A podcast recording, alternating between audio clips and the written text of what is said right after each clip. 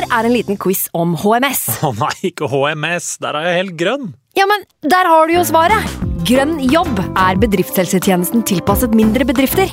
Våre HMS-eksperter hjelper mer enn 8000 bedrifter over hele Norge med alt fra lovpålagte HMS-krav til pålegg fra Arbeidstilsynet. Få på plass bedriftshelsetjeneste på grønnjobb.no. Hallo? Jeg kommer fra Oslo politikammer. Ine Jansen er purk. Er du purk? The motherfucking bitch. Alt jeg vil, er å finne ut hva som skjedde med mannen min. Jon Carew. Er jeg sikta for noe? Iben Akeli. Det er du. Ole So, Lars Berrum og Big Daddy Karsten. Hvem sin side er du på, egentlig? Anette Hoff, Tone Danielsen, Kommer du fra Afrika? Jørnis Josef, Nesten. Kløfta. Trond Espen Seim, Det er synd å si det, men det var feil mann som døde. Purk. Premiere tirsdag på TV2 Play. I can't believe it. Football, bloody hell.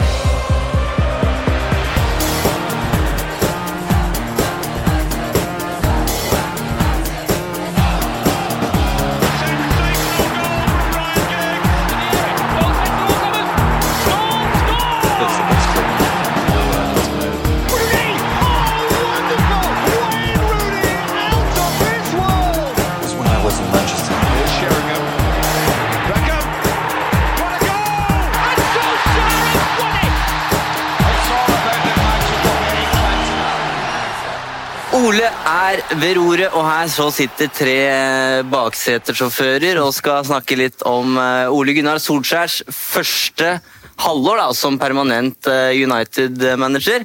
Ole Ole gjør da et lite comeback. I del én i dag skal vi snakke om Ole Gunnar Solskjær, og kun det. Jeg tipper vi kommer til å komme innom en del andre ting også, men Solskjær er fokuset. I del to, som kommer seinere i uka, så skal vi snakke om troppen og januarvinduet. Eh, velkommen til oss, Espen Veen. Eh, forrige gang du var her, så var spørsmålet er Mourinho ferdig.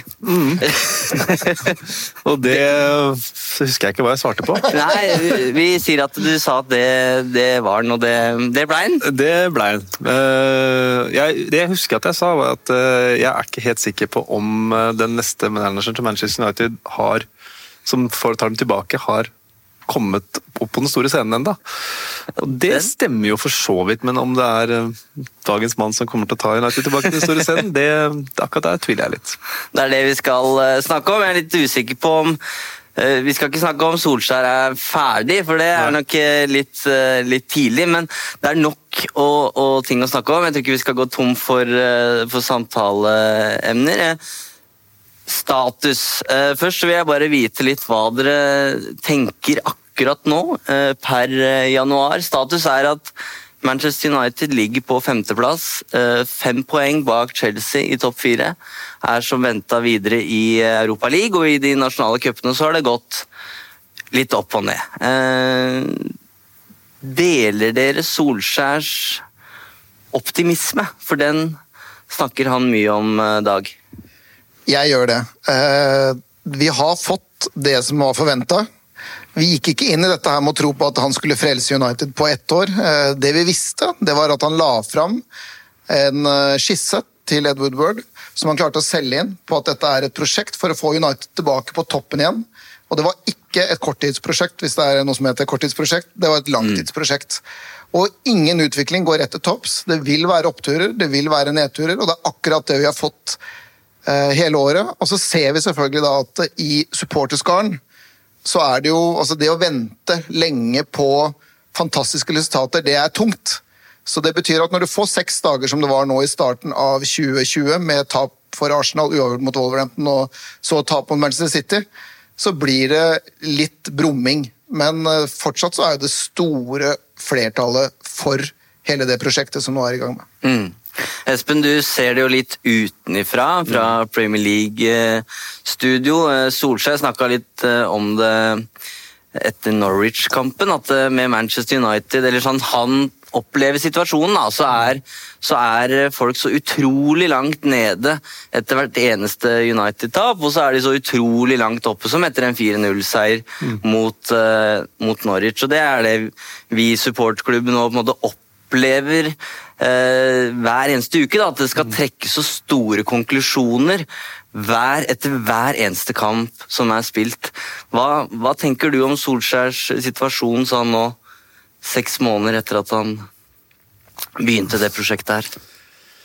Eh, Det som kanskje taler mot Solskjær, er jo litt sånn Jeg syns fortsatt det er vanskelig å se en, en offensiv plan i det som gjøres. Gode til å kontre. Det- Jeg vet at det her er sagt mange ganger før. Og, Mm. Ja, men det må sies. Men det må sies igjen, og, og det er vel eh, kanskje det, det jeg savner aller mest. Og så var det, tenker jeg det var litt sånn urovekkende mm, det tapet mot Arsenal. Eh, For da, det var på en måte nå skal jeg passe på, Det er ikke sånn for å krisemaksimere, men det var på en måte det, det siste hamstrået Solskjær hadde. at eh, det har de vært gode på. De har vært gode mot de antatt beste lagene. De har slått Leicester, de har slått uh, City, de har slått uh, ja, Tottenham, Uh, selv om ikke de er så gode akkurat nå, men de har gjort det bra i de matchene. Og Så får du den kampen mot en annen sånn gammel topp seks som er såpass svak. Det, Og så blei det en veldig sterk symbolsk effekt der, i og med at det var Mik Mikkel Arteta som var inne der. Nettopp. Eh, og se hvordan han på en måte slo United da, etter bare en uke i jobben. Ja, men, men så skal man være forsiktig med å lese for mye inn i det. Og så ser vi Premier League-runden som var etterpå, så er det prosjektet til Arteta kommer ikke til å gå rett til topps, det heller. Eh, Så, så jeg skjønner Det er jo veldig fint å høre at eh, store delen av supporterskaren som du tenker Dag, eh, fortsatt støtter, støtter Solskjær, og, og det trenger jo klubben, trenger stabilitet. Og så tenker jeg at kanskje den aller største utfordringen sånn med tanke på stabilitet har egentlig kommet eksternt, i og med at Pochettino mista jobben i Tottenham. Det tror jeg var eh, noe som gjorde at uh, veldig mange supportere tenkte at her, det er jo mannen vi egentlig ville ha. Nå er han ledig, Skal, tør vi å la han gå altså, til Bayern eller hva det skulle være? For Pochettino ville takka ja til Manchester United, det er jeg helt 100 overbevist om. hvis han hadde fått muligheten. Så det tror jeg har kanskje vært eh, sånn, den, den eksterne faktoren som har gjort i tillegg til det er selvfølgelig varierende resultater, men det, det vil jo være uansett, Mm. som du sier, i en sånn oppbyggingsfase. da. Ja. Og så kan jeg legge til da at jeg, jeg er jo kanskje kjent som å være litt sånn positiv, da. mm. men eh, jeg er fortsatt usikker på om Ole Gunnar Solskjær er rett mann til å ta Manchester United til topps. Altså, det ligger i bunnen hele tida. Jeg er fortsatt usikker på om han har rett team med seg til å skape den utviklinga som må til. Jeg er fortsatt usikker på hvor gode vi er på over, overgangsmarkedet totalt sett. Så det er, så, det er flere ting man er usikre på, som man kanskje kan tenke at Pochettino med sin bagasje eller ballast da, er mye sterkere på en måte rusta enn Solskjær, som på en måte har Cardiff og, og, og Molde-jobben. Mm. Men jeg syns fortsatt ikke at det er nok til å kunne hevde at han bør få sparken. Fordi han har levert det vi hadde forventa. Ingenting annet. Og egentlig, hvis jeg får lov til å få ordet seinere i løpet av sendinga, Ja, vi får se. bedre enn på en måte forventa. For det har skjedd veldig mye som er positivt også. Og bare sånn For å ta ett sånn kjapt svar, da. ikke sant? Ja, altså, Vi, vi tapte mot Arsenal i forhold til disse toppkampene eller mot disse topp seks-lagene, men det er liksom det er første tapet til Solskjær mot et av disse såkalte topp seks-lagene. altså Og ingen må jo tro at Solskjær bare skal begynne å slå City og spille uavgjort eller så slå Liverpool. Eller, altså Det er jo ikke sånn det funker. Dette laget her vil variere litt, og ingen lag med unntak av Liverpool og City som er på et annet nivå, vil klare det. Og det å tro at United skal kunne reise til Emirates, uansett hvilken forfatning Arsenal er i, fordi kampene lever litt for seg sjøl, eller eventuelt slå de hjemme, eller slå Chelsea borte eller slå, altså, Det er ikke sånn det funker nå, da, per nå. Og så er spørsmålet om vi kommer dit, og det er det så. Ja, vi, vi har eh, fått inn en del eh, spørsmål som vi skal ta etter hvert, og der er det litt mer konkrete ting, men tenker vi holder oss fortsatt litt oppe i skyene og, og ser på det store bildet. Eh, og det er jo mange utfordringer i Manchester United, både på banen når de møter lag som ligger lavt og, og, og blokker, og utenfor banen, hvor det fortsatt ikke er på plass en teknisk direktør. Og da, eh, Vi skal ikke bli sånn megatabloide her nødvendigvis, men jeg har lyst til å snakke litt om hva som er Solskjærs ansvar, hva som er spillernes ansvar, og hva som er eh, kan du si, klubbledelsens ansvar. Og Hvis vi begynner med, med Solskjær, da, hva, hva tenker du, Dag? Hva er, hva er det som er hans ansvar som Uniteds manager? Ja, Han er jo, skal jo lede laget og styre det sportslige på alle mulige måter. Det er sånn United henger sammen, og da trekker du fram det med teknisk direktør. Men eh, mitt Altså, nå må dere rette meg litt underveis, for det, jeg føler liksom det er veldig sånn Det er mange som skriker etter en sportsdirektør. Eh, og fantastisk hvis man hadde fått inn en veldig dyktig mann til på det sportslige. Utvilsomt, eller uansett om det hadde vært en trener. altså Dyktige mennesker er bra. Men per nå så er jo det United nå ser ut av alt, er jo en strategi. Og hva er det en sportsdirektør ville gjort? Han ville valgt en strategi og holdt seg til den uansett hvordan det går i løpet av seks Det er tre kamper på seks dager i januar. Uansett hvor sterkt presset utafra er, så ville han holdt seg til den strategien, jobba mot det. Og det ser United nå faktisk ut til å gjøre. da. Og så kan man godt sitte og tro som supporter, altså som noen i hvert fall, at Solskjær lyver, eller at han ikke får backing, men det han har sagt, det er jo at han har den backingen som skal til. Så det man eventuelt skal ta ham på da, mener jeg, det er jo eh, Burde han på en eller annen måte gått all in på å få tak i en Lukaku-erstatter? Er det rett og slett for dårlig å ikke få, få tak i en Lukaku-erstatter? Eller kan man godta at når man skal ha tak i Lukaku-erstatteren, at han ikke fikk tak i rett mann, og da jobber man videre mot neste vindu, da? Og neste vindu er egentlig ikke januarvinduet.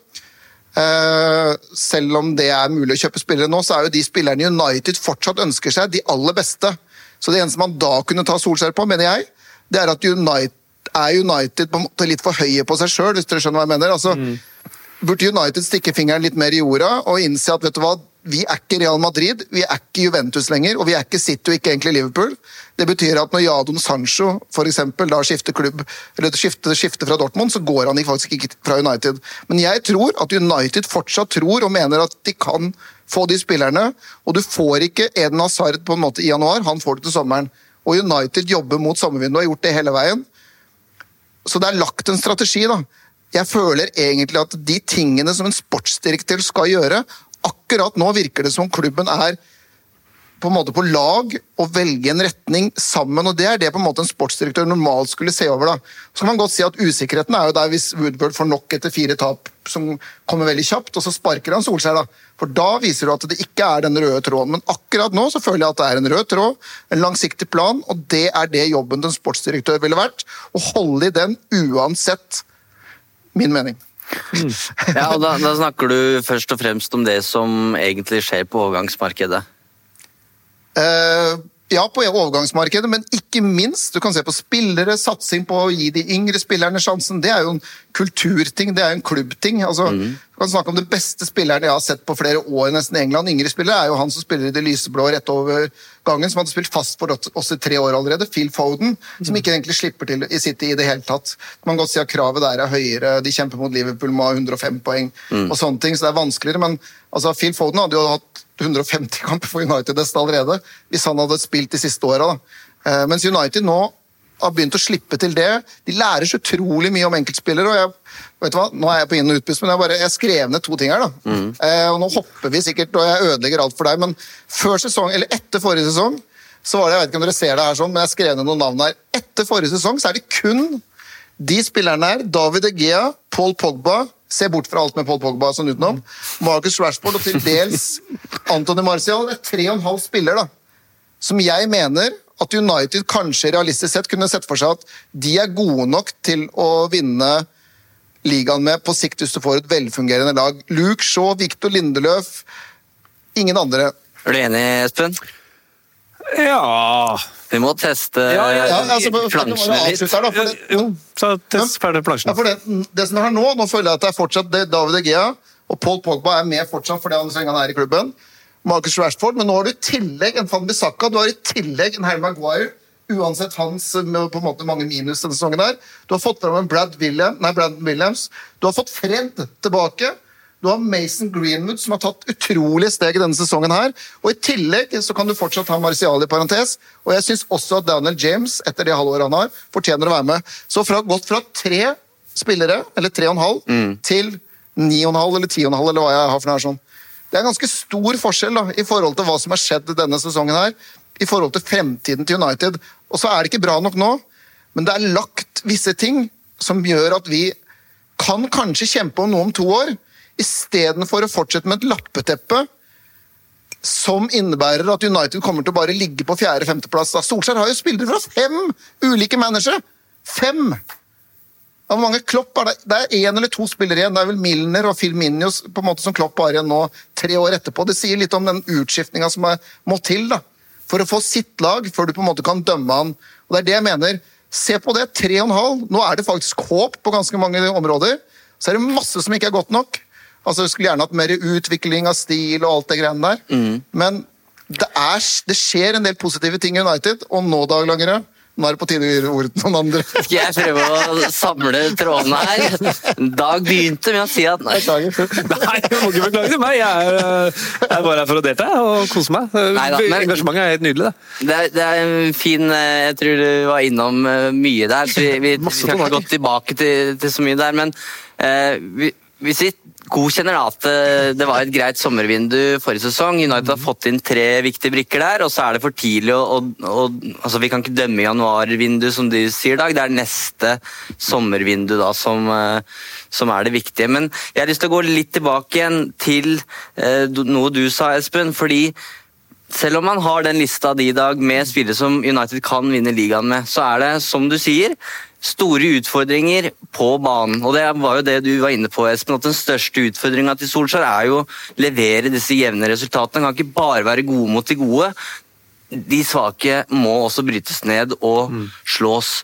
Så hvorfor, hvis United har et lag som er så mye sterkere enn forrige sesong, hvorfor tar de på en måte ikke flere poeng. Det kan det godt hende de har gjort, eh, men hvorfor er det ikke bedre? Fordi det er fortsatt kun midt på treet eh, resultatmessig, da, hvis vi skal være ærlige.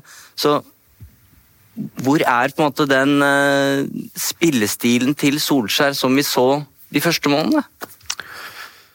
Uff, øh, det er jo Et, Et åpent Ja, spørsmål, er et altså. åpent spørsmål, men, men det er jo veldig interessant. Jeg, bare, jeg klarer ikke helt å fri meg fra den lange monologen din. Jeg, den likte jeg veldig godt. Eh, Jeg, må, må bare, jeg skal svare på spørsmålet, Eivind, men jeg må bare eh, Litt interessert i parametere. for du tenkte, Når du tenker de spillerne som kan vinne ligaen, tenker du da elveren, eller at de er gode nok til å være med i troppen til å, altså til å være, altså spille en viktig rolle? da, altså kan du Ta for eksempel eh, eh, James Milner, da, som ikke vil være i førsteelveren til Liverpool, men han er jo en viktig del av den troppen. så Hvis det er parameteret, så mener jeg at det er en tre-fire til som kanskje kan være med i en, en tropp uh, fra forrige sesong. da. Okay, ja. Eh, For eksempel Victor Lindeløf mener jeg er god nok til å være med som en, kanskje ikke som stopperen ved siden av Maguire, men, men eh, som nummer, nummer to eller tre, eller Mm. nummer tre eller fire som stopper.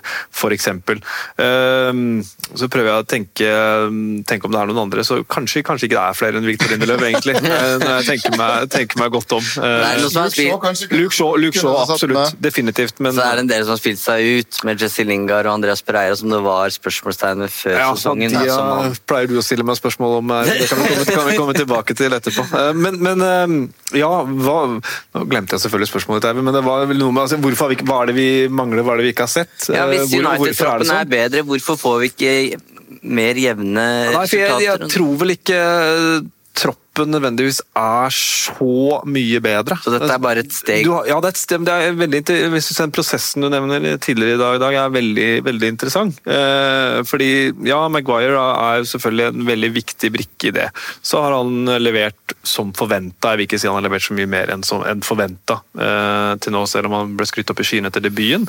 Eh, men eh, han har fortsatt et eh, nivå å gå før, før han er der. Men jeg tror han kommer dit, for nå er han, det er ingen tvil om at han kommer til å være kaptein for Manchester United fra neste sesong. For Ashley Young forsvinner jo enten nå eller, eller til sommeren. Jeg tror han forsvinner nå, i og med at han ikke var i troppen igjen nå. Jeg vet ikke om han var skada, men uh, Syk. syk, ja. Ikke sant.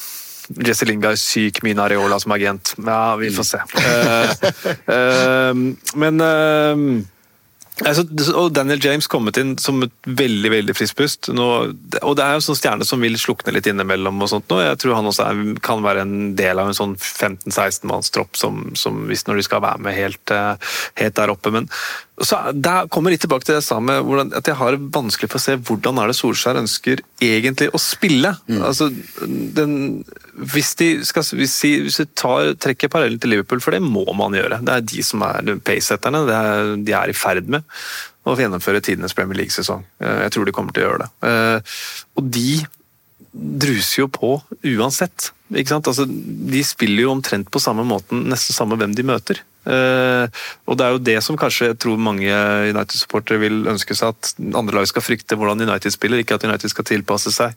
For i øyeblikket så er United gode til å tilpasse seg hvordan andre spiller og kontre på dem, men, men jeg tror det er veldig få managere som, som ser på United, Manchester United i dag og tenker ok, hva kan vi gjøre for at de ikke skal få spille sitt spill. Det trenger de ikke å bekymre seg for, fordi det er, der sliter Manchester United med, med en plan. Og Liverpool er også sammenlignbart fordi eh, Ole Gunnar Solskjær og Jürgen Klopp ligger sånn cirka likt på poengsnitt etter sine 40, 41-42 første kamper i hver sin klubb. Men jeg mener jo at med Klopp så så man veldig tydelig fra dag én hva det var man prøvde på. Ja. Og så lyktes man litt sånn halvveis. De slapp inn altfor mye mål i begynnelsen, men justerte det etter hvert og endte opp der de er i dag. Mens med Solskjær så er det litt sånn Man snakker om ja, det skal spille underholdende fotball, det skal presses, det skal gå fort.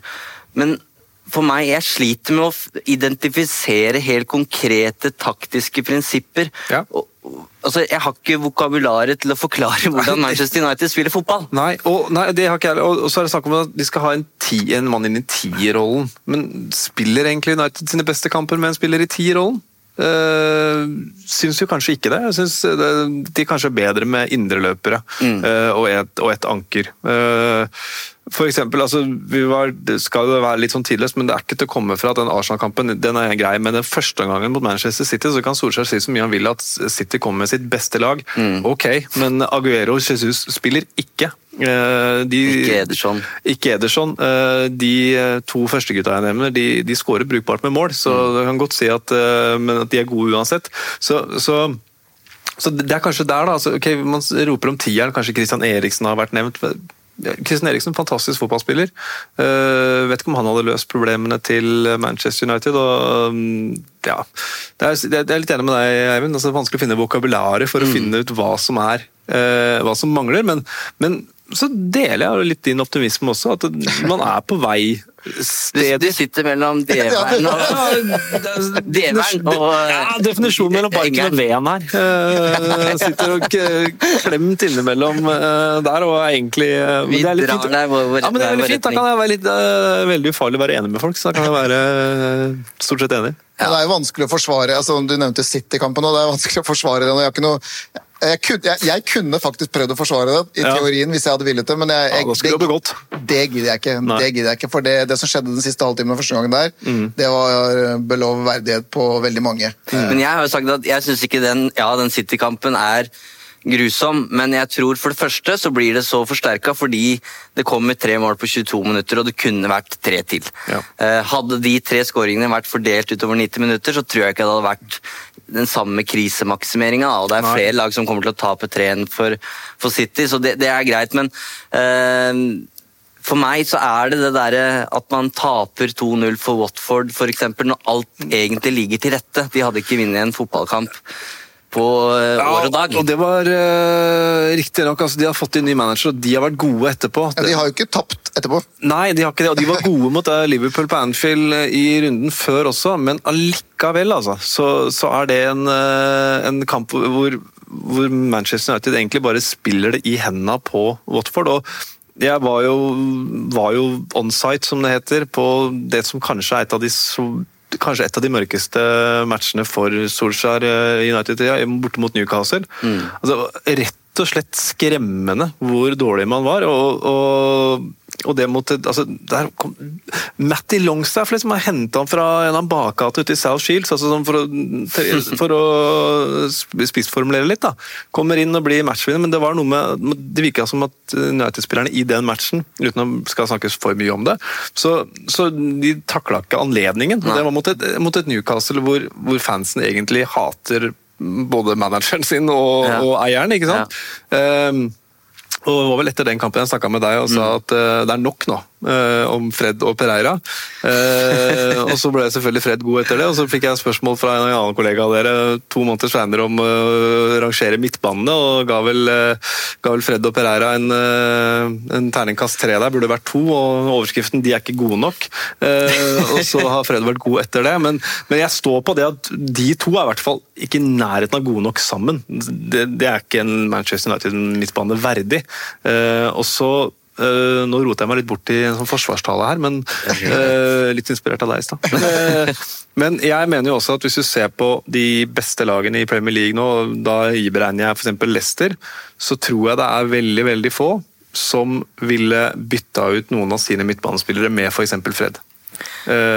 Hvis United-fansen i dag har fått valget, ok, dere kan bytte Fred mot Wilfred Ndidi, hvor mange sier ja? Jeg kunne Ja, nå- kan jeg få lov til å dra den vid- to vid videre ett, bare med én setning? Ja. Ja, Hvis du hadde tatt Fred, Matic og Pereira og sagt til enhver Premier League-klubb Ville du vært villig til å ta disse tre mot at vi får eh, dine tre beste, deres tre beste midtbanespillere? Jeg er usikker på om det ville vært noen særlig som ville tatt det. Nei, Bournemouth kanskje. Sånn som de ser ut nå. Men det, det sier litt om, og da er vi inne på uten, Nå skal ikke jeg liksom snakke lenge her, men det, det sier jo litt om kvalitet. da. Ja. Og Jeg mente forresten ikke med lista å si at United nå har et fantastisk lag. For, men dette er, dette er lag som har, med et potensial Mm. til å bli noe som er veldig interessant om et par år. For United kommer aldri til å kjempe om ligagullet denne sesongen her. Altså, Da måtte det vært et helt vanvittig sommervinner, og til og med ikke Jürgen Klopp hadde vunnet med det United-laget her. Mm. Hvis han hadde kommet inn i sommer, tror jeg. da. Ja, og Nå ringer det en sånn portugisisk eh, bjelle her, for nå snakker vi om eh, midtbanen, og da må vi eh, snakke om Bruno Fernandes. Når vi sitter her nå, så er det, har det vært rykter fram og tilbake i noen dager. År. Eh, Ja, godt poeng. Eh, Men det virker jo som at det i hvert fall kan nærme seg noe, selv om dette her kan, her kan, kan det komme kontrameldinger. Men Bruno Fernandes eh, Espen er det en eh, signering som gir mening med tanke på den situasjonen United er i nå, med Pogba og McTominay ute, og de alternativene som vi da har snakka om litt her nå. Ja, jeg syns det gir mening. Eh, Jeg ser ikke hver eneste runde i portugisisk fotball, så ærlig skal jeg være. Men eh, Nations League kan være godt for noe, og der var jeg, jobba jeg med sluttspillet. Der var Bruno Fernandes eh, strålende, og du så på Cristiano Ronaldo at det betød noe å vinne det trofeet der også, så det var ikke, det var ikke noe treningsleir for det portugisiske laget, det der. Da var han sentral, og det jeg liker av det jeg har sett av Bruno Fernandes, er at han vil tilføre noe som egentlig alle lag trenger, og som kanskje Manchester United trenger veldig nå, det er en som bare fiker til fra alle vinkler hele tiden. Han avslutter og avslutter og avslutter angrep hele tiden, og det kan da komme tussel. Og når du har James, Martial, Rashford som kan stupe inn på returer, så vil det være en bare sånn enkel ting som han vil tilføre den midtbanen. Og så vil han jo også antakeligvis tilføre at han kommer med selvtillit. Han veit han er høyt ønska og, og gjort det bra over tid. og så så er det den overgangen fra Portugal til Premier League. Det, sånne ting vet man jo aldri. Prislappen kommer til å bli høy, men det er jo ingen av de som sitter her eller av de som ser på dette her, som kommer til å betale den prislappen allikevel. Så de, akkurat hva spillere koster, det må man nesten bare drite i. altså. United har jo en spiller som avslutter hvert eneste angrep, men Andreas Pereira treffer aldri mål. Nei, han treffer aldri mål. Ja, nei, det hjelper ingenting. Det, han treffer jo ikke ramma engang, så da blir det ikke returer. Eh, han- har jo skåra ett mål i år, og da har gjort noe alt feil. Ja. Det, for meg så virker det som mange er skeptiske til eh, Bruno Fernandes. Jeg tror mange blir litt sånn lei når det har vært en sånn saga en hel sommer og han ikke kommer. Så, så får man litt sånn ah, nei, det er yesterday's news. Eh, men jeg personlig mener at dette er en gamble som United bør ta. Først og fremst med tanke på Pogba og McTominay som er ute, og en Pogba-situasjon som er veldig uavklart. Jeg syns Bruno Fernandes er en spiller i riktig alder, og han har levert over tid. Og så er det spørsmål ved den portugisiske ligaen, selvfølgelig, men han har i hvert fall et sett med ferdigheter som United trenger. Eh, og det er jo ikke en korttidsløsning, det er, det, er ikke en, det er ikke desperasjon. Det er jo en spiller som man kan se for seg at er en brikke i, i det United-laget. Og så er det 60 millioner pund er mye penger, men personlig så syns jeg det er en gamble de er nødt til å ta, nesten.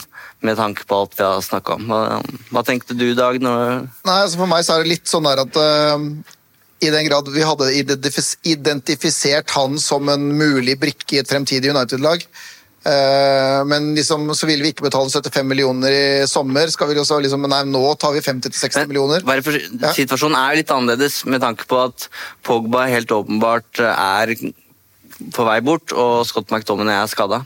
Eh, ja, kanskje de har lært at Paul Pogba kommer til å forsvinne helt sikkert, men jeg har også lagt merke til at Ole Gunnar Solskjær vel har sagt et par ganger at han vil ikke gjøre noe som på en måte han vil angre på om 18 måneder.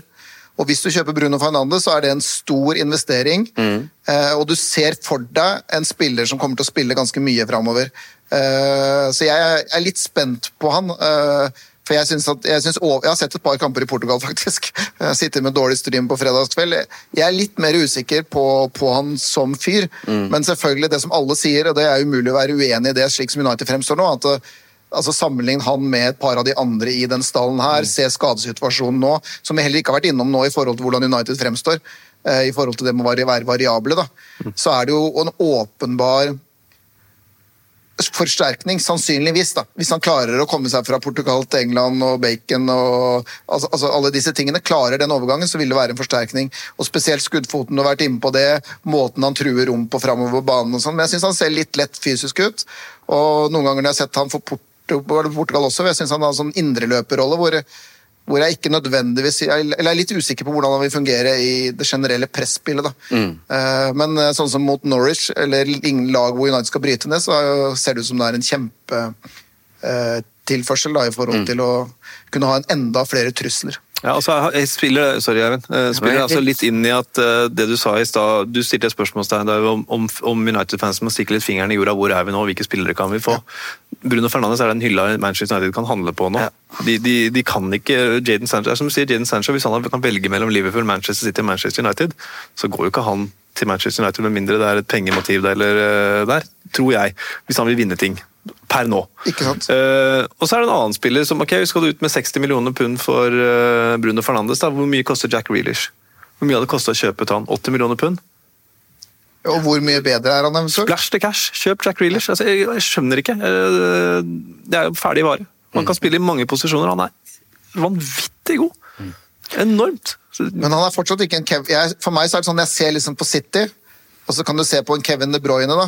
Og så tenker jeg over til Molde, hvor liksom Solskjær plutselig fikk liksom Molde til å fungere bare. Det klikka når Magnus Wolff Eikrem, som kanskje er Norges beste fotballspiller når han er i form, i tierrollen, da. Og så ser jeg liksom, Hvem er det som kunne vært den hos oss? Og Da blir jeg usikker til og med på James Madison, Jack Grealish. Men det er derfor du sier det så rett. Hvilken, hvor er vi nå, da? Hvem kan vi få? Og jeg kan ikke alle de andre ligaene godt nok til å bare si at altså I gamle dager kunne vi snakka om en Milinkovic, Savic eller i Men Frankrike. er det er jo den vanskeligste hylla i verden. ja, ikke sant? Og Alle vil ha den beste. Liverpool har jo prøvd å handle på den i evigheter. Tottenham, Arsenal De som ikke er stjerner, men som er rett på Altså er det oppe og nikker, da. Helt oppe i Mané verdensklasse. Salah de var ikke world beaters når Nei. de kom til Liverpool, men handla på den uh, hylla der. Uh, Blei det etter uh, henholdsvis en, en og en halv sesong uh, der. Og ja, nei, jeg blir bare gjenta meg sjøl med, med, med, med Grealish og sånt, men, men jeg kan ikke skjønne annet enn at det må hadde vært verdt hver eneste, hvert eneste Nei. Grealish eller Madison kan nok fort komme i, i sommer. Ja. Jeg tror mest da i så fall Jeg tror, jeg tror faktisk Madison kan bli kjempevanskelig hvis de klarer topp fire. Uh, og så vil Ja. det være Vi snakker 100 millioner. Det er ikke, det er ikke sjans, tror jeg, for å få Nei, nei. Maguire Så Grealish er da kanskje mer mulig. De kan jo til og med rykke ned. Og da, Det vil fortsatt være dyrt. Men på en måte, jeg tror hvis du snakker om en annen tier mulig, så er det liksom der du har da. Og han, han har jo visst enorm kvalitet, og jeg må si at før, tidligere syns jeg han var en sånn småarrogant ja, det er han jo fortsatt. Han har swagger Ja, men det er liksom, det er swagger der, der. men så er kjemperespekt, ble med Villa ned, og, og hvordan han da har tatt noen steg som spiller, kanskje en slags leder også i det laget. da. Ja, ja. Og det er på en måte Det er umulig ikke å la seg imponere. Nå har vi eh, ikke snakka om Solskjær for lenge her. Eh, vi skal snakke mer om eh, troppen i, del to. Da skal vi rett og slett evaluere hver lagdel og gå systematisk gjennom. Vi tar noen spørsmål før vi runder av den gangen her. Jørgen Fransen, bare for å fortsette litt det vi snakka om. da. Eh, kan januarvinduet felle Solskjær? Er det sånn at han er avhengig av å få inn forsterkninger her for å redde resten av sesongen? Eh, et- Jeg sier nei, men det man kan si, det er at eh, slik eh, Solskjær slash Uniteds utgangspunkt var når han kom inn, så skulle United ideelt sett klart å bruke hvert eneste overgangsvindu for å forsterke. Men jeg tror ikke det på en måte feller han egentlig. Eh, Det kan jo alltid kollapse, men det er ingenting som foreløpig tyder på at det kollapser. Helt, altså At de plutselig går inn i en voldsom tapsrekke. Eh, og jeg tror ikke det avhenger av topp fire eller ikke for at han overlever ikke, så jeg tror ikke at han felles like av i januarvinduet. Eh, Det han felles av eventuelt, er eh, hvis det gjøres for mange feil i sommer, og United har fått for lite utvikling når vi kommer Altså når vi sitter her med, om et år, da, eller et snaut år, seint neste høst og 20 poeng bak, Mm. nytt Liverpool som bare stikker fra igjen. Så, mm, så jeg Nei. Nei, Det tror ikke jeg heller, men det er som du sier, altså, terskelen heves for hvert overgangsvindu for hva som er akseptabelt for Solskjær nå. fordi Jo mer han får inn de spillerne han vil ha, som blir hans tropp, jo større er han selvfølgelig avhengig av at det her lykkes. Uh, Ref det vi snakka om Bruno Fernandes for bare noen minutter siden, at det, det er en spiller han kan få tak i nå, og derfor kanskje bør, bør gjøre det også. Så jeg tror ikke han blir felt av noe, noe svakt vindu uh, i denne gangen. Men det er klart, hvis han fortsetter å, å slippe spillere uten å få spillere inn, da, da må du ikke, altså Av og til så må du putte på plaster. Altså Hvis du, hvis, Young går nå, kanskje Lindgard forsvinner, da må noen inn. Og kanskje må det være midlertidige løsninger. Ta noen som er 31-32 som kan komme inn. altså Men, men da har vi gått eh, oppfølgingsspørsmål her egentlig fra Mats Skauge, som snakker om maktspillet på Old Trafford, og lurer på hvordan det eh, påvirker Solskjærs rolle og posisjon. Eh, og Han henviser nettopp til Lukaku-situasjonen, og Solskjær sa jo at hvis vi slipper Lukaku, så må vi ha inn en erstatter. Mm. den kommer jo aldri. Så er det Solskjær som Er det hans ansvar, siden United ikke har en teknisk direktør, eller er det Ed Woodward? Så er han ansvarlig, eller er han et offer her, tror vi? Jeg tror her, her er Solskjær først og fremst ansvarlig for sine egne uttalelser. Ja. I og med at han da uttaler at det er ikke Det er. Det er- Ja, ikke sant?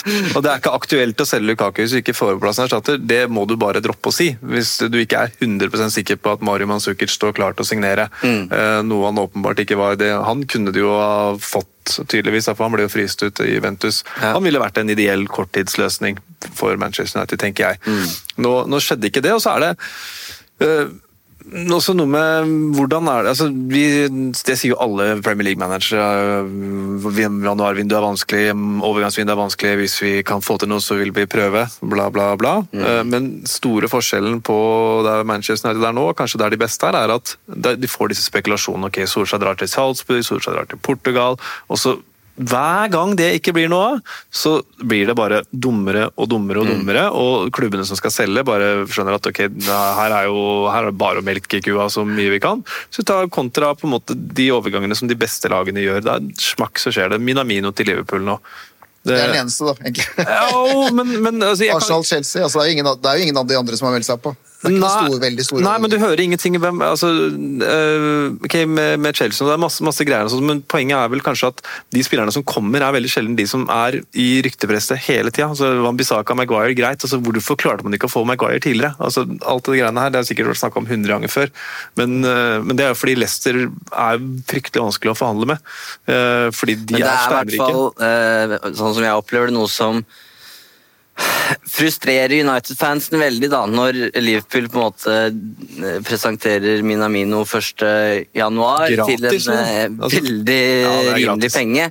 Mens man liksom 10. januar leser at United har nå kontakt Ajax for å høre om det er mulig å få van de Beek Mm. i løpet av de neste 20 dagene. Og bare, eh, Du skal få ordet nå, Dag, men det fansen på en måte da lurer på er ok, dette her virker som er fullstendig kaos. Hvor er den tekniske direktøren som vi leste om for to år siden? Og som Kjetil Rakkestad spør, gjør egentlig Ole Gunnar Solskjær to jobber her? Er han manager og teknisk direktør? Er det han? Han reiser jo da tydeligvis til Salzburg for å overbevise Haaland, litt spesielt det selvfølgelig, men er han ansvarlig både for og det langtidsprosjektet, da, å kartlegge hvem som skal inn, samtidig som man skal lede eh, laget på, på søndag. Hva tenker du rundt teknisk direktør og Jeg må jo svare på da, det, for jeg, jeg blir så irritert på veldig mange United-supportere. På oss? Nei, på, på det, bare for å ta Donny van van de Beek eller hva det er Ja. for noe, eh, som et eksempel. Altså, dere må ikke tro på alt dere leser! altså, det er, det- ting slippes fra agenter, det slippes fra klubber, det kan spille, slippes fra folk som, som bare er med i en eller annen greie, til aviser. Aviser kan brukes av klubb... Altså, så det å tro at United kommer, og for så vidt Chelsea eller hvem som helst andre, kommer 10. januar og ikke er liksom med i det hele tatt, det er helt Jeg vet ikke, no, altså, jeg har ingen tro på det. Men det kan hende at United må stikke fingeren i jorda og jobbe, også jobbe mot januar på en annen måte, og ikke tenke at Jadon Sancho er en mulighet til sommeren. Svaret på hvor gode vi er, hvordan det fungerer, hvilke midler som er tilgjengelige, jobben Solskjær gjør kontra også der, det får vi mest egentlig først til sommeren. For hvis United nå til sommeren Hvis United ikke kjøper noe i januar, til sommeren kommer med eh, Sean Longstaff eh, Dere hørte det her først? Sean Longstaff og han derre Bo- Bobakari Somaré eller noe sånt fra Frankrike, og kanskje Declan Rice som liksom det store, og Paul Pogba forsvinner, da er du ikke bra nok, det skjønner jeg. Men hvis United til sommeren nå får på plass Jadon Sancho, kanskje Declan Rice fordi de mener han er veldig god på det, og en tredje spiller, da, en tier, f.eks. Jack Grealish, så kanskje de har hatt full kontroll hele veien. da. Eh, Så vi vet ikke egentlig nøyaktig hvordan alt fungerer, men det virker nå som Solskjær virker, Jeg har ikke hørt noe om at Solskjær er veldig aktiv på treningsfeltet. Slik Ferguson vel var de aller første årene. Etter hvert satt vel Ferguson og kikka i vinduet ut på andre som leda treningene. Det var en grunn til at han henta inn Kai Queiros og alle disse andre. fordi Han skulle ha gode nok folk på treningsfeltet. Det virker for meg som om Solskjær er mer en ekstramann som eventuelt bare er til stede en gang iblant, og at han får rapporter fra andre. Han kan sikkert se treningene live på kontoret sitt. Og at han gjør kanskje en litt mer sportsdirektørrolle sånn egentlig. Eh, selv om på en måte han er manager og ansvarlig for alt. Kanskje er det for mye for han, kanskje ikke det er mulig. Men de virker altså, Kall meg naiv, for det blir jeg gjerne kalt. altså det virker som de på en eller annen måte er komfortable med den løsningen de har akkurat nå. da. Så Det eneste jeg har lest litt om, er at de kanskje ønska enda litt mer kvalitet inn i teamet. Men om det er på trenersiden eller om det var snakk om noe annet, det, det er jeg litt usikker på fram til det eventuelt skjer. Men det kommer jo ikke en teknisk direktør. Det er det ingen grunn til å tro på nå. Nå har vi holdt på med dette greiene her. ikke det? At altså, hvor lenge, altså, hvorfor skal det komme en teknisk direktør nå? Da må det være fordi plutselig da Solskjær sier at dette her funker ikke. Men selv om han er blitt gråere i håret, så er han jo, fremstår han jo stort sett som seg selv. og han, han, Det virker ikke som han tar inn over seg helt Eller det virker ikke som han uh, speiler den frustrasjonen som er i deler av fanbasen. Da. Han virker å ha ståltro på det som er mulig, og det som jeg sjøl har hørt, liksom, er at vet du hva, de kan være villige til å gå gjennom januar uten Brune Fernandes og faktisk bruke James Garner eller Dylan Levitt. Da. Og det kan være en tabbe.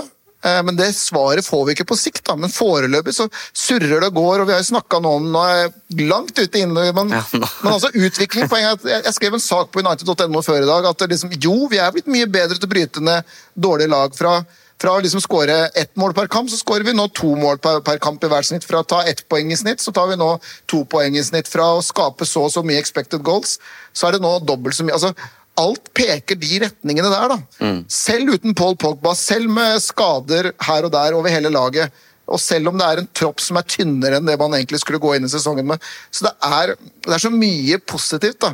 Men jeg er tilbake til spørsmålet om Woodward. Jeg syns det, det er veldig vanskelig på utsida. Jeg kan liksom jeg kunne godt, Vi hadde jo en sak i United-supporteren, men jeg, det er nesten sånn hvor mye gikk den i dybden på det? Hvor mye får du i The Athletic eller The Times liksom, om sånne ting? Det er vanskelig.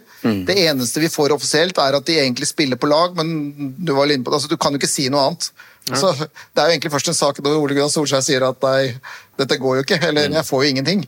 Hvis han hadde sagt noe sånn, så hadde da, det hadde blitt skapt ordentlige overskrifter. Men svaret på hvordan United fungerer på overgangsmarkedet, og det er det som, hvilke midler som er tilgjengelige, og alt sånne ting, får vi først til sommeren, mener jeg, da. Eh, Men så tenker jeg også bare, det, det som er ja, og ja, selvfølgelig, jeg er helt enig med. Du åpner med at du må ikke tro alt du leser, og det er selvfølgelig ryktespalter, og folk skal selge aviser og ha klikk på nettsider og sånt, men, men det Manchester United antakeligvis og fansen trenger, er at, at de drar en opp av hatten. Noe som, som breaker, så bare han er på vei dit, og så signerer han ti timer etterpå. Framfor sånn der du fyller de Erling, Erling Braut Haaland, prestisjenederlag de luxe. Ikke sant? Men de, der var de i hvert fall med, det er det ikke noe tvil om. Altså, Nei, og så tapte de han til Dortmund, da. Men sånn kan jo skje, for United er ikke slik liv Altså, United er ikke der United var med Ferguson. Men, men akkurat de tingene der gjør jo at folk blir mer og mer frustrert. Vi klarte ikke å få han engang. Og det- det Ja, men sånn- Haaland altså, Haaland en gang vi snakka om Jo, men altså, nå I Norge så tenker vi jo selvfølgelig ikke det, men altså, hvis du sitter nede i øh, vet ikke, jeg, Essex eller noe, er, og er Manchester United-supporter og så, okay, han Haaland han har skåra seks mål i Champions League. Han har hørt mye om han og hørt på Football Weekly. At og sånt, og what's the big deal, liksom. Ja, han er god. Og så tenker man jo da at han spiller i Salzburg. Selvfølgelig vil han til Manchester United. tenker jo, de- Vil jeg tro brorparten av den internasjonale fanbasen. Og da blir det et enormt prestisjenederlag. I hvert fall når han har liksom spilt under Solskjær tidligere. og sånn også. Ja, men jeg mener jo at United faktisk, den ene spilleren som egentlig hadde hatt, vært interessant å få i januar, har faktisk United gjort et realt forsøk Ja, på å få, eh, slik jeg ser det. da. Og så er det sikkert masse andre spillere som kanskje egentlig er tilgjengelige, men vi sitter jo også og klager altså, nå sier ikke jeg oss, Det er ikke oss, altså, men. United-supporterne. Altså, det er jo- går ikke en time uten at det er noen som legger ut en liste over alle lønningene til United-spillerne og bare snakker om 'fy faen, for klubben her er drevet'. Og så sitter vi egentlig og snakker om at liksom, det er feil å bruke litt tid på å få Maguire, altså, eller få andre spillere, at vi ikke skal godta alt. da. Men det er jo akkurat det som egentlig er riktig. For vi kan ikke fortsette å bare dytte 200 000 pund eller 150 000 pund til middel, middelmådigheter, som vi har gjort i litt for stor mm. grad. Da må du i så fall være veldig ha veldig stor tro på at det er riktige folk i forhold til en garderobe eller litt sånne ting, som jeg tror kanskje Mata og kanskje eh, et par andre har fått nye kontrakter av. Da. Så, men det var kanskje ikke svar på spørsmålet. Nei, Det er jeg jeg husker- Om man, om man er offer for maktspill, Ja. du tror vel, eh, sånn som jeg tolker deg, tror jeg du ikke at, han er offer for noe, at han ikke er noe offer for noe maktspill uh, i Ikke før jeg ser mer. Nei, og det støtter jeg eh, 100% Jeg tror Solskjær har den backingen han trenger, og det fremstår sånn uten at, ut fra det vi kan vite. Ja. vi sa, bare sånn, United-supporteren også, vi skrev jo også det, dere, du jobba jo med den saken selv også. Vi, alt det vi har, av informasjon tyder på at han har midler tilgjengelig. Eh, og så kan man da, da kan man jo gå tilbake til Solskjær og si ok, er det en tabbe å ikke bruke det, men jeg tror jo ofte da at det funker sånn, i hvert fall min kontakt med agenter, da, at du du har jo visse føl... Fø, nå vet antageligvis Solskjær sånn cirka hva som kanskje kan være mulig å få tak i i sommer. da. Og det får noe å si for alt det du gjør også i januar. Absolutt. Jeg Vet ikke om jeg har kommet med så mange svar, men jeg har i hvert fall tenkt uh, høyt. Syns dialogen har vært god. eh. men hvis vi skal eh, ta det for gitt nå da, at Ole Gunnar Solskjær er United-manager også neste sesong, hva, hva blir hans største utfordring som United-manager? Hva er det som må på plass? Og da tenker jeg ikke nødvendigvis Jeg tar det for gitt at her må det inn tre-fire nye brikker i, i sommer, men eh, Bortsett fra det, hva, hva er det han må gjøre for å overbevise skeptikerne? For selv om vi kan sitte her og snakke om alle formidlende omstendigheter, så er det veldig veldig ofte Eller historien denne sesongen her har vært ett skritt fram og to tilbake. Så hvordan skal de ta to steg fram hver eneste uke eh, fram til eh, sommeren? Hva er det Solskjær må jobbe med? Ja, Vi har jo snakka masse om spillelogistikken. Du tar det for gitt at Ja. det kommer tre-fire inn. og Hvis vi sier at de tre-fire rette typene for Solskjær, da, uavhengig av hvem det er, eh, så I hvert fall Graylish, var det ikke det? Ja, Graylish mener jeg burde være førstemann på lista Ja. inn eh, på, i kontoret der. Altså sånn i forhold til hva som er Eller i forhold til hvilke spillere som er på den hylla, da. Eh, og kommer, han kommer jo til å være tilgjengelig til sommeren. Ja. Eh, det er verre med Madison, men ok, nå skal jeg ikke begynne å snakke om det. Eh, Tre-fire brikker på plass. Eh, Manchester United eh, Solskjær må levere en reell kamp om topp fire, om å pushe topp tre, Ja. topp to. Det mener jeg. Det, hvis ikke, så begynner tida å gå ut. Eh, det har tatt Liverpool 30 år å komme tilbake der de er nå. Eh, Sitter vi her om 30 år og, og spør oss ja, det, jeg vil i hvert fall ikke avskrive det. hvor blir det av den Premier League-tittelen? Nei, ikke sant? Det var, det var 26 år det tok mellom de forrige. Altså, det, det, tar lang tid. Chelsea venta 50 år eller, eller 40 år. eller noe. Altså, sånn, bare sånn obs, obs. Eh, De blir nok ikke så mye dårligere, de lagene som, som er på toppen der nå. så Det er det, det du må ta igjen. da. Det er, det er det du må strekke deg til, selv om fotballen går i sykluser og spillere legger opp og alt mulig sånn. Men eh, det mener jeg er et minimumkrav. Eh, Neste sesong, hvis han er manager, så, så må de være klink topp fire. Og de må pushe, uh, pushe opp mot andre steder. Hvis, hvis Leicester kan gjøre det, så skal Manchester United kunne gjøre det. Hvor mye tålmodighet har positive Dag? Jeg er for det første helt enig med det han sier. i forhold til at Selvfølgelig så må jo United kan ikke nå ende på femte-sjetteplass denne sesongen, her, eller sånn, og så fortsette med det neste år. Etter det vi tror blir en uh, sommer med nye forsterkninger og enda mer Solskjærslag. Uh, jeg ønsker mer stabilitet prestasjonsmessig. For Vi kan sitte og prate så mye vi vil om at Vi jeg liksom er sånn, flere mål, flere poeng, men 3-3 mot Sheffield United var en møkkamatch i 70 minutter. Ja, og så skårer vi i 10 minutter. Så det er liksom sånn, Vi har begynt å skåre heldigvis tre mål i løpet av 10 minutter når vi er gode, men det er for ustabil prestasjonsmessig, så det må bli bedre. Vi må ha mer, mer velfungerende presspill, og du må se litt, litt mer eller Til og med oss som ikke kan fotball faglig godt nok, må se litt mer av det offensive. da. Altså for det, Jeg kan sitte og si ja, vi har skåra så mye mål, men vi må liksom se det litt mer. da hva de prøver på.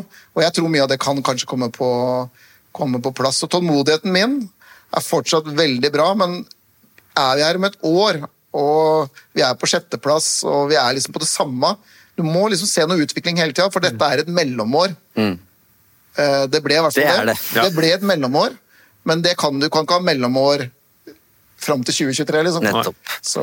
Man skal ha tålmodighet, men til hvilken eh, pris? Eh, Fred og Pereira, er de eh, United neste Nå får du sjansen, Espen. Ja, jeg tror jeg faktisk. Jeg tror faktisk begge er der. Ja. Eh, Fred er, Men det er jo bra for dere som får se på dette, her, at hver gang jeg sier at han er elendig, så blir han dritgod. Så nå sier han er kjempegod. Så Kan du ikke ta for deg hele United-laget? bare sånn? jo. Ja, nå, han er ikke god nok, og den er ikke god nok. Nei, men eh, ja, Fred er der neste år, det er jeg helt overbevist om. Jeg tror Pereira, Pereira er nok det. Burde ikke vært det. Nei. Sånn, eh, jo, som squad player, greit. Som 17-18. mann. Så For kan det- Pereira være der. For det er det som er viktig. For altså. han gir alt liksom, og vil, vil virkelig for klubben. Han er bare ikke god nok. Men det er det som er viktig her, for det, du skal jo sette sammen en tropp. Og du trenger, du trenger de som godtar å være nummer 17 eller 18. Og jeg tror kanskje Bruno Fernandes vil være mindre fornøyd med å være Ja. nummer 18. Mens, altså, uten å nevne Lingard fordi han har vært så dårlig sist nå, men altså, det er noen av de gutta der som vi har nå, som antageligvis vil kunne godta å spille litt mindre og være rulleringsspillere. da. Eh, Så, le, så lenge de får lov til å fortsette å være i United. Ja, og Der kan Pereira der kan han fylle en rolle, men ikke når Liverpool, Chelsea, Manchester City kommer på besøk, så kan ikke Pereira være i startelveren. Vi får et lag som skal kjempe i toppen. Eh, takk for engasjementet. Jeg syns vi kom et stykke på vei. Jeg tror ikke vi skal si at vi har konkludert og funnet svara for eh, Solskjær, men eh, mange fornuftige tanker. Så får vi se om Bruno Fernandes er en av de vi skal diskutere på torsdag. Han har signert for eh, United, man veit aldri. Eh, Bli med oss også da. Enn så lenge, ole ole.